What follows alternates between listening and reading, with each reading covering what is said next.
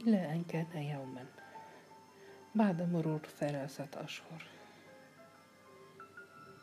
كان لقائي مع هاشم على وشك أن ينتهي. وهاشم راقد في الفراش عاري الصدر وعضلات السمر مستريحة في استرخاء. وأنا جالسة أمام المرآة ومشط شعري. وقلت وأنا أبتسم لصورته المنعكسة أمامي في المرآة. بتحبني قد إيه يا هاشم؟ ولم أكن أقصد السؤال. كل ما هنالك إني كنت في حاجة لأن يدللني بكلمة حلوة. قال وعلى شفتيه ابتسامة ضيقة. وإنتي بتحبيني قد إيه؟ قلت لسه مش عارف. قال لا مش عارف. قلت كل ده يا هاشم ولسه مش عارف بحبك قد إيه. قال ساعات ما بصدقش إنك بتحبيني. يمكن عايزة تتجوزيني. واحتدت نظراتي. نظرت إليه كأني أحاول أن أخنقه وأنفاسي بدأت تصور في صدري. واستطرد قائلا كل اللي عرفتهم كانوا عايزين يتجوزوني. أنا بعتقد إن الستات ما يعرفوش الحب إنما يعرفوا الجواز. ما يقدروش يعيشوا الحب لكن يقدروا يعيشوا الجواز. وأدرت رأسي عنه. ومددت يدي والتقطت حقيبتي. أخرجت منها دبل جوازي وألقيتها في وجهه وعدت أنظر إلى المرآة وأمشط شعري في عصبية والتقط الدبل. لمحت في المرآة يلتقطها ثم اعتدل من رقدته وأخذ يبحلق فيها وقال والدهشة تملأ عينيه. إيه ده يا أمينة قلت دبلتي. قال انتي مخطوبة؟ قلت في برود مكتوب كتابي. وقفز من فوق الفراش وجاء إلى جانبي وقال في صوت مبهور من إمتى؟ قلت وأنا أشد شعري. من زمان يا هاشم من قبل ما أعرفك. قال وما قلتيش ليه؟ قلت وأنا أهز كتفي. كده. وسقط على ركبتيه. واحتضنني وأنا جالسة على المقعد. ودفن وجهه في عنقي. وقلت وأنا أشيح بوجهي. استريحت. صدقت كده. صدقت إني بحبك. وهمس. يا حبيبتي يا أمينة. ولا أدري لماذا كرهت ساعتها. وظللت أكرهه طول اليوم. ولكني لم أستطع أن أستمر في كراهيته. إني أريده الأفواه الصغيرة تريد أن تشرب. وعدت إليه. كما تعودت أن أعود دائما. واندفعت أكثر. وعواطفي تزداد صخبا. لقد بدأت أغار عليه من المرضى. ومن المجتمع الذي يعيش فيه. بعيدا عني. غيرة مكتومة. لا أفصح عنها. وكنت دائما أتساءل. أين يذهب في الليل؟ إنه يقدم لي كشف الحساب دائما. تعشى في سمراميس ثم عاد إلى البيت. بيت أخته. أو كان مدعو في حفلة. أو أو. ولكني لا أطمئن. رجل مثله لا يمكن أن يقضي كل هذه الليالي وحده. وثارت في رأسي فكرة مجنونة. لماذا لا ألقاه في الليل؟ جننت بهاشم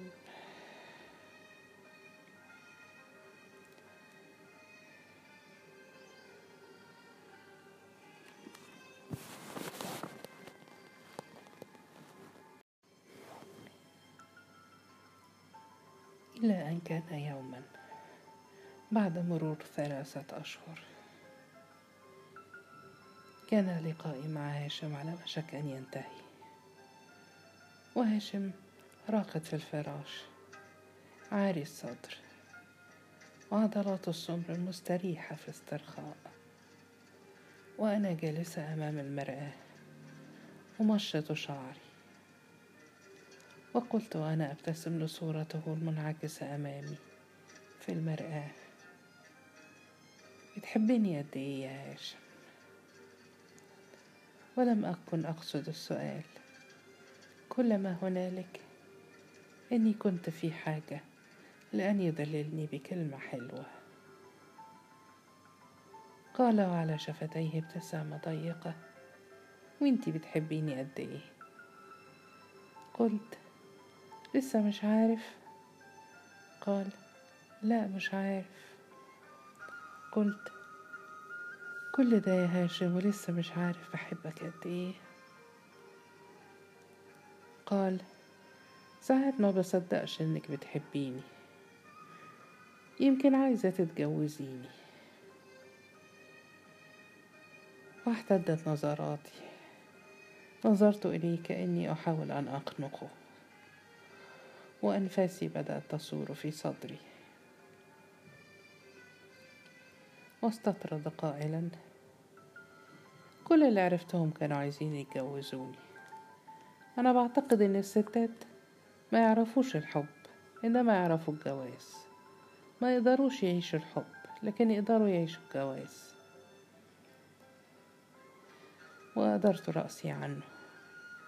ومددت يدي والتقطت حقيبتي. أخرجت منها دبل جوازي وألقيتها في وجهه.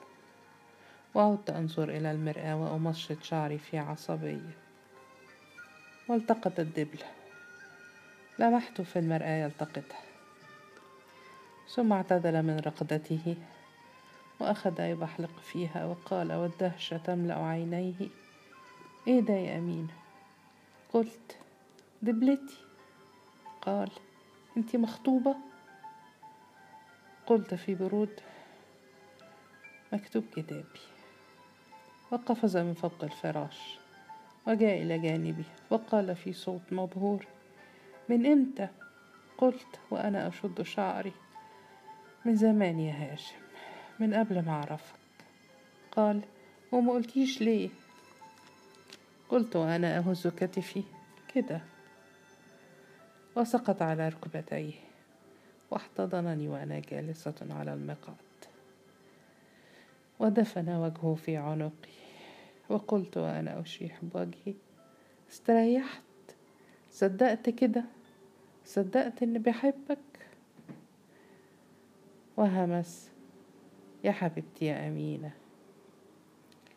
ولا أدري لماذا كرهت ساعتها. وظللت أكرهه طول اليوم. ولكني لم أستطع أن أستمر في كراهيته. إني أريده الأفواه الصغيرة تريد أن تشرب. وعدت إليه. كما تعودت أن أعود دائما. واندفعت أكثر. وعواطفي تزداد صخبا لقد بدأت أغار عليه من المرضى. ومن المجتمع الذي يعيش فيه بعيدا عني. غير مكتومة لا أفصح عنها. وكنت دائما أتساءل أين يذهب في الليل؟ إنه يقدم لي كشف الحساب دائما. تعشى في سمراميس ثم عاد إلى البيت. بيت أخته أو كان مدعو في حفلة أو أو ولكني لا أطمئن. رجل مثله لا يمكن أن يقضي كل هذه الليالي وحده. وثارت في رأسي فكرة مجنونة. لماذا لا ألقاه في الليل. جننت بهاشم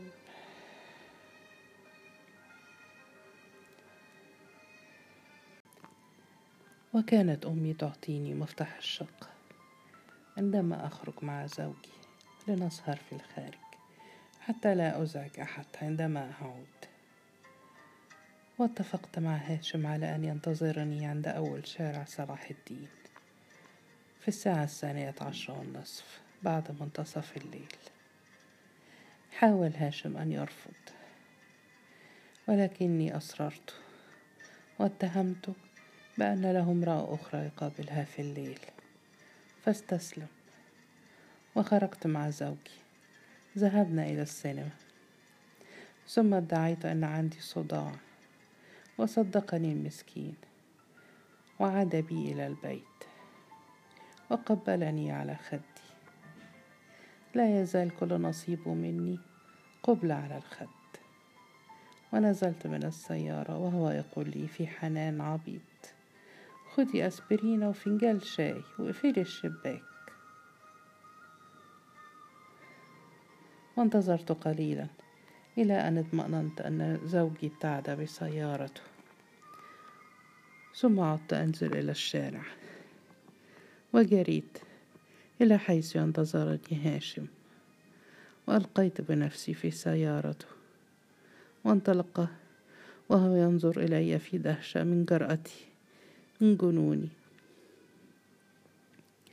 وذهبنا إلى شقة الزمالك. إن البنات التي يقولن أن كل ما يحدث في الليل يمكن أن يحدث في النهار واهمات إن ما يحدث في الليل أكثر. لا أدري لماذا. ربما لأن عيون الناس مغمضة. وعيون السماء مغمضة. لقد أخذت في الليل أكثر مما تعودت أن آخذ في النهار وأعطيت أكثر. وعدت في الثامنة صباحا وبيتي كله نائم لم يشعر بي أحد. واستمر جنوني. إني أعيش في دوامة الجنون. إني لا أهدأ. أريد في كل يوم مغامرة. وأثير هاشم وهاشم يضربني والأفواه الصغيرة تشرب. فجأة وكانت قد مضت سبعة أشهر على لقائي بهاشم. عاد زوجي من السويس وهو مصر على أن يعجل بالزواج. إنه لا يريد أن ينتظر إلى أن يتم بناء الفيلا وتجهيزها. إنه يحس أننا نبتعد أحدنا عن الآخر ويريد أن نتزوج الأسبوع القادم. ويصر في عناد وأقنع أمي وأقنع أبي وأقنع زوج أمي وأقنع خالاتي الخمس. والجميع فوق رأسي يلحون ويصرون. لا أحد يريد أن يسمعني. لقد انتظر الزوج طويلا وما يطالب به هو حقه. وهرعت إلى هاشم وقلت له أنا لا أنظر في عينيه. أنا خلاص هتجوز يا هاشم هتجوز. قال مش معقول إمتى؟ قلت الخميس الجاي. وتجهم وجهه. وأدار ظهره لي كأنه متأثر. ولكني شعرت ساعتها أنه يمثل. وقال وهو يتنهد. على كل حال أنا كنت منتظر اليوم ده. اليوم اللي تيجي تقولي لي فيه إنك هتتجوزي وتسافري تعيشي في السويس. وسكت برهة وأنا أنظر إليه بكل عيني. ثم قلت وصوتي يرتعش. هاشم هو أنت ما تقدرش تتجوزني. ما ينفعش تتجوزني. ورفع إلي عينيه في لفتة سريعة ثم خفضها وهو يقول لا. قلت في حدة ليه؟ قال بصوت صارم كأنه يرفض النقاش لأني ما قررتش أتجوز دلوقتي. وبكيت. إنها مرت دموعي رغم إرادتي. دموع فيها غيظ وذل واستسلام. وجاء إلي وقال كلاما كثيرا لم أكن أسمعه ولكنه يقبلني ويقبلني أكثر. والأفواه صغيرة تتفتح وأنا مستسلم. لا أستطيع أن أقاومه ولا أن أقاوم جسدي. والدموع في عيني. ثم تركني. كلهم تركوني. تركوني أتزوج عبد السلام. وبدأت قصتي. تزوجت بلا فرح. سافرت في نفس الليلة إلى السويس. لأقيم في بيت زوجي. ومع أمه. إلى أن يتم إعداد الفيلا الجديدة التي يبنيها لي. هل أروي التفاصيل؟ لا. لست أول فتاة تتزوج رجلا لا تحبه والبنات اللاتي يتزوجن بلا حب. حكاياتهن معروفة. ولكني أتساءل اليوم. لو لم يكن هاشم قد دخل حياتي هل كان يمكن أن أتعود على زوجي؟ وأستسلم لتعودي عليه. وأهنأ بالحياة معه. ونعيش في التبات والنبات ونخلف صبيان وبنات. ربما. ولكني أيامها لم أكن أؤمن بأن الحياة هي تعود. كنت أؤمن بأن الحياة هي الحب. وكنت في الوقت نفسه قد بدأت أتعود على هاشم. لمساته وأنفاسه هذه الساعات السريعة التي يختطفها من وقت مرضاه ليعطيها لي. هذا الجنون الذي نعيش سوا. ربما كنت أستطيع يوم تزوجت أن أنسى هاشم. أن أحرر نفسي من تعودي عليه. فلم يكن قد مضى على علاقتنا أكثر من سبعة شهور. ولكني لم أحاول. أبدا لم أحاول. ولو للحظة واحدة. ولا لحظة واحدة حاولت أنساه ولا لحظة واحدة حاولت أكون زوجة مخلصة. لم يخطر على بالي أيامها موضوع الإخلاص لزوجي. زوجي نفسه لم يكن موضوع أفكر فيه. ومنذ ركبت السيارة بجانب عبد السلام في طريقنا للسويس وأنا أفكر في هاشم وكيف أستطيع أن ألقاه؟ ورقدت على فراش زوجي وعقلي لا يزال وراء هاشم لا أحس بالرجل الآخر الذي يرقد بجانبي. لا أحس بما يريد ولا بما يحاول. لست خائفة. بل مسام جسدي كلها منقبضة مزمومة كل ما أشعر به رائحة البطارخ المنطلقة من فمه فأدير رأسي عنه أبتعد عنه. والمسكين يبذل كل ما يستطيع وهو يعتقد أني لازلت صغيرة.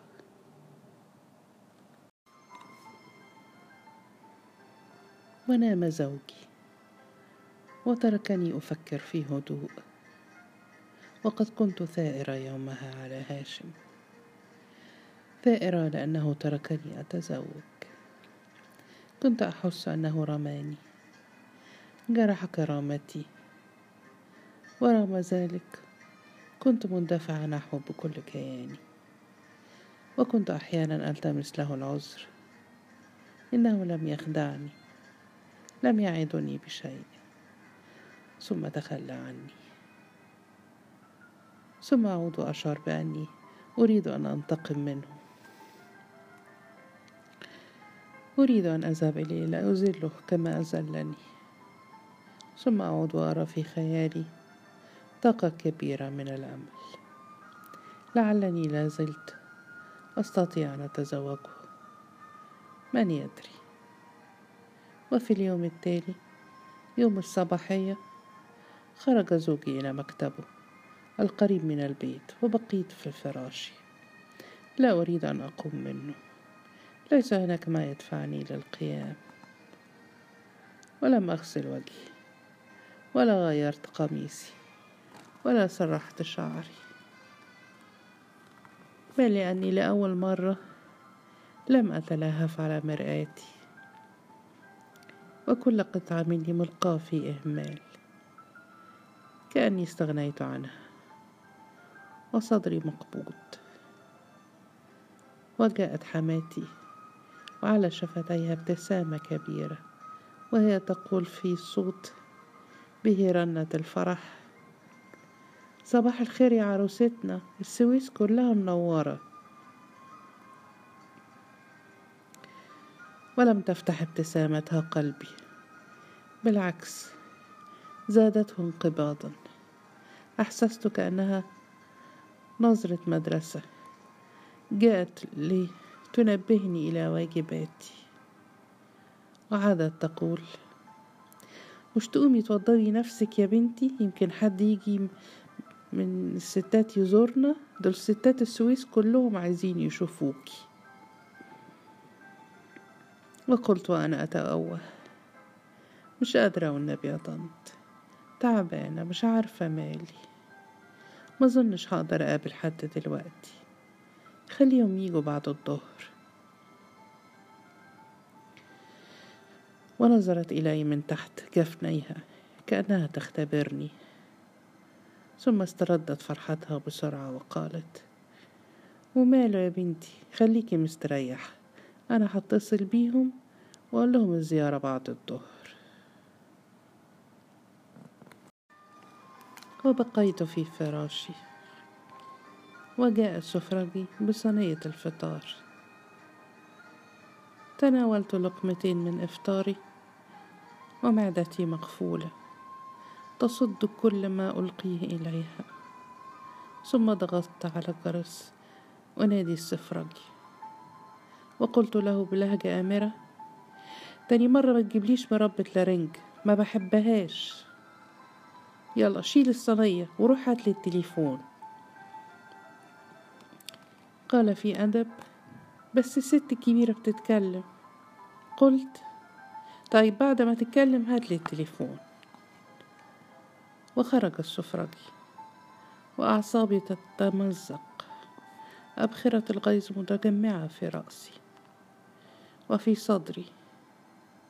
واليوم طويل ممتد أمامي. كثعبان يفتح فكيه ليبتلعني. فراغ فراغ يأكلني. ومرت لحظات. لا أدري إذا كانت طويلة أم قصيرة. ثم ضغطت على الجرس. أنادي السفرجي مرة أخرى. وصرخت في وجهه. روح قول للست الكبيرة تجيب التليفون. وكانت قلة أدب مني. ولكني كنت ثائرة ثائرة على فراغي. وبعد برهة دخلت حماتي تحمل التليفون بنفسها وقالت وهي تحاول أن تبدو رقيقة مهذبة أنا أسفة يا بنتي كنت بعزم الستات اللي هيزورونا بعد الظهر. وتمتمت متشكرة يا طنط. ورمتني حماتي بنظرة من نظراتها. ثم خرجت.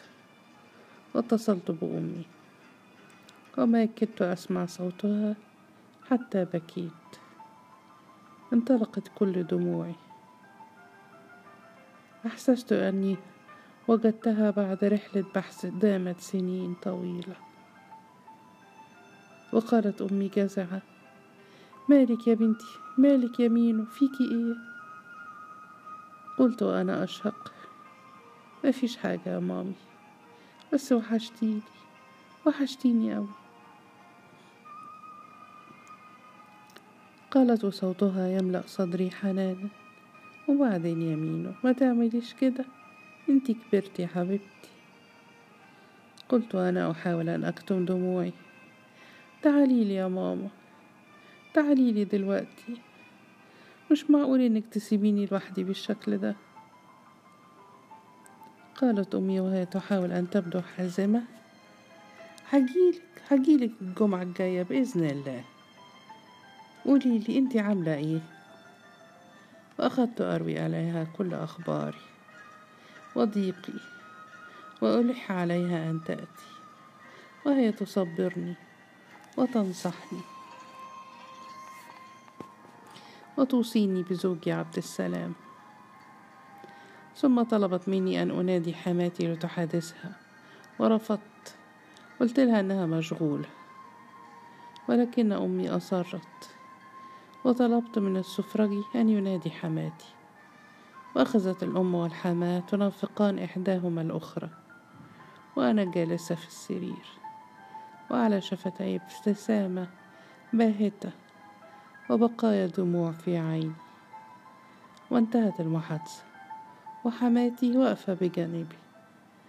كشبح تنظر إلى التليفون. وقلت أنا أدعي التردد. أقدر أكلم بابا كمان؟ قالت على الفور طبعا يا حبيبتي ده بيتك وتليفونك. وخرجت من الغرفة تاركة لي التليفون لم أشعر أن هذا بيتي. ولا هذا تليفوني كنت أحس أني في بنسيون في لوكاندا. ضيفة عند حماتي. وبقي هذا الإحساس يصاحبني دائما. لا أدري لماذا ولا أدري لماذا كرهت حماتي.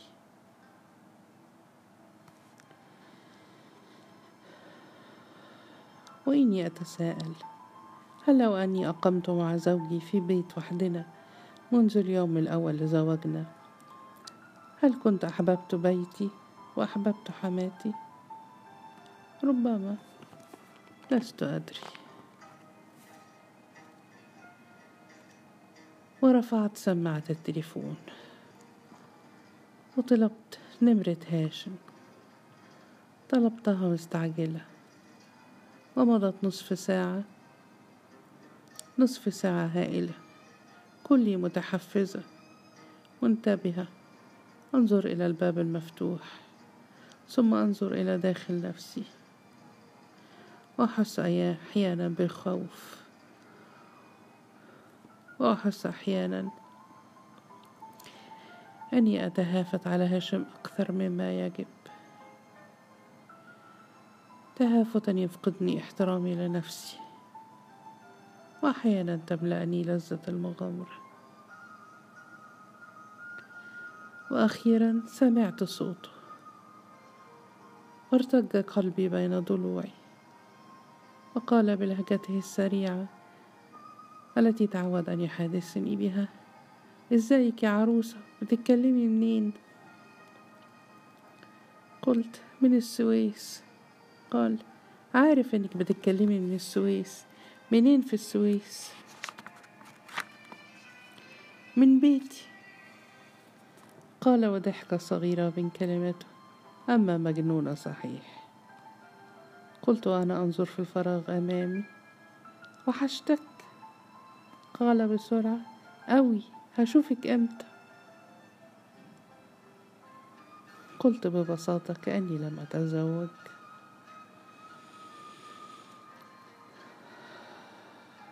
انت ناسي اني اتجوزت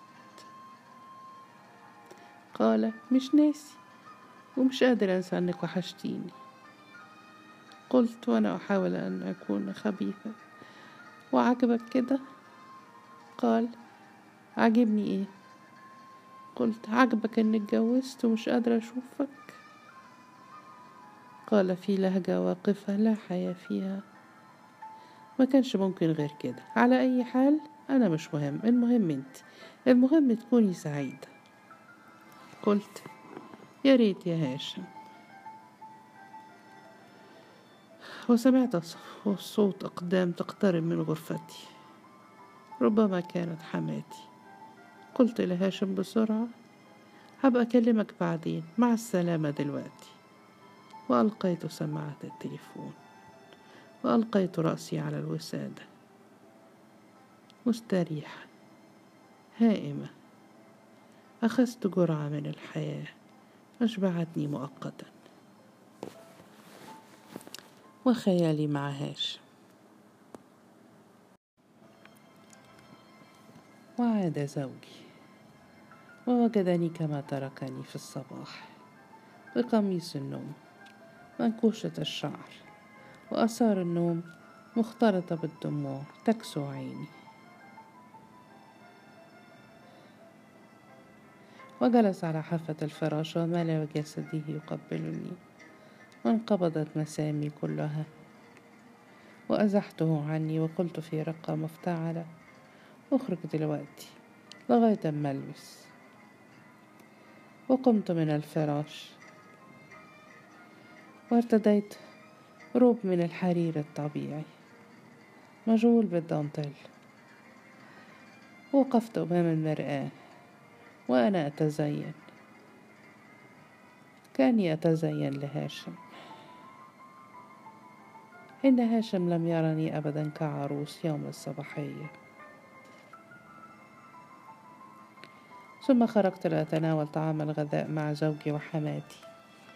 والحديث كله عن عائلات السويس التي ستأتي بعد الظهر. وعدنا إلى غرفتنا بعد الغذاء لم أكن أريد أن أعود ولكن زوجي سحبني من إيدي وهو يقول مش عايزة تستريحي شوية يا مينو؟ واستسلمت له وسرت وراءه وأنا أشعر بحجر ثقيل أحمله في صدري وحماتي تنظر إلى ابنها في سعادة وزهو. قلت له أنا أعطيه أجمل ابتسامة خدني فسحني في السويس شوية. قال وهو يقترب مني. يا ما هفسحك هحط السويس كلها تحت رجليكي بس خلينا دلوقتي مع بعض. قلت في توسل عشان خاطري. قال وهو يضع فمه فوق شفتي عشان خاطري أنا. انتي خايفة حلوة؟ لقد اعتقد إني خائفة أو إني أتدلل ويأست أن أعفيه مني. واستسلمت. وحاول المسكين. وحاولت مقززه. إنه لا يستطيع. لا يستطيع أن يكتشفني. وأنا كلوح التلج. أشرد أحيانا وهو يحاول. ثم أنتبه إليه. كأني أتفرج على قرد يقفز أمامي. وضاق بي. وتركني وأنفاسه لاهسة والعرق ينتفض من جانبيه. والسخط في عينيه وقال مش ممكن تكوني صغيرة للدرجات دي يعني. ثم بدأ يرتدي ثيابه وقال أنا راجع المكتب. ولم أهتم لم أشعر حتى بالشفقة عليه.